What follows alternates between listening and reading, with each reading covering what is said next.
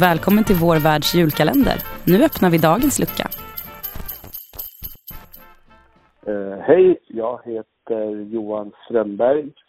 Jag är tidigare ordförande i både AIK och AIK Fotboll. Jag var ordförande under åren 2008 till 2013. Idag är jag stolt ordförande i Lennart Johansson Foundation. Mitt bästa AIK-minne får nog bli bästa slash finaste. Och det blir det här året de många och fina samtal jag har haft med Lennart Johansson som jag lärde känna. Och Lennart gick bort i somras i juni. Och då kommer jag naturligtvis tänka på dels det fantastiska året vi hade tillsammans 2012 när vi reste runt med AIK i Europa.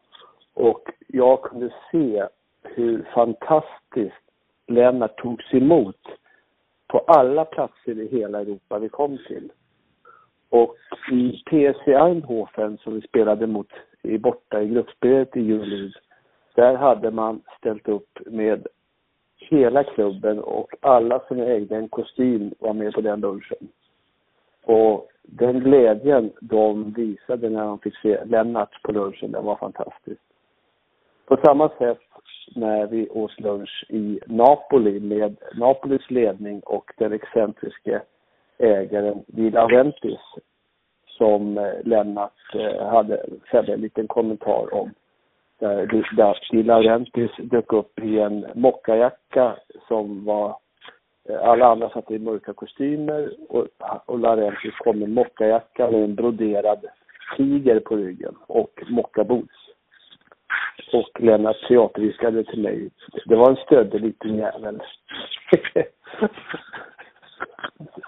Men Lennart och jag, eh, när jag satt ute på Lennarts eh, landställe på Vätö 2016 och vi bestämde oss för att starta Lennart Johansson Foundation med de värden som Lennart eh, hade byggt upp under sin eh, levnadstid. Det var ett väldigt stort minne för mig och det måste man väl ändå knyta till att det är ett fint AIK-minne. Och Lennart berättade när vi var, vi var i eh, Liverpool tillsammans, nej Manchester United och träffade Alex Ferguson. Men och då sitter vi och pratar och så berättar Lennart om historien om när han var ordförande i AIK och AIK hade mött Öster på Råsunda. Och Öster hade Tommy Svensson i Öster. Och Tommy, gamla förbundskaptenen som var för landslaget 94. Tommy Svensson hade en pappa som hette Stig Svensson som var en stark eh, fotbollsröst i Sverige. Öster var ju rätt De tog ju guld på 70-talet. Och AIK hade vunnit på det som Österspelarna uppfattade ett offside-mål. När Lennart kommer ner i eh, de undre räjongerna där på Råsunda och så står Österspelarna och diskuterar högljutt. Och eh, Tommy Svensson ropar till Lennart att Lennart, Lennart, jag pratar med pappa i, i telefon.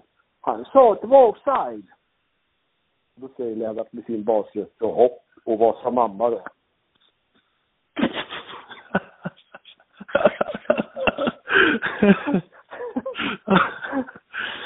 Ah, vilken underbar karaktär. Ja. Vad jag önskar AIK 2020 är arbetsro.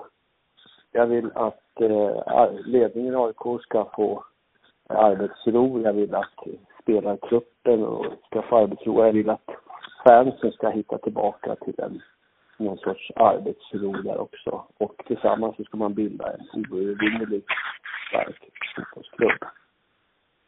Vad jag önskar AIK i julklapp det är nog att man har att man får ihop det jag talade om, arbetsro, till en riktigt, riktigt stark klubbkänsla igen.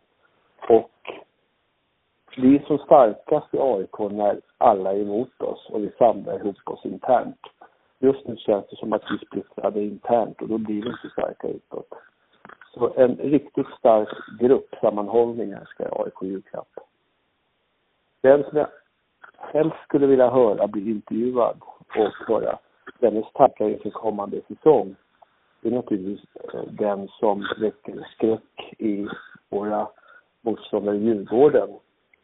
Som de drömmer mardrömmar om, nämligen derbyspöket. För derbyspöket firar jul och förbereder sig för den kommande säsongen Det skulle vara intressant att höra i podden. Med det sagt skulle jag bara önska alla en riktigt god jul. Tack!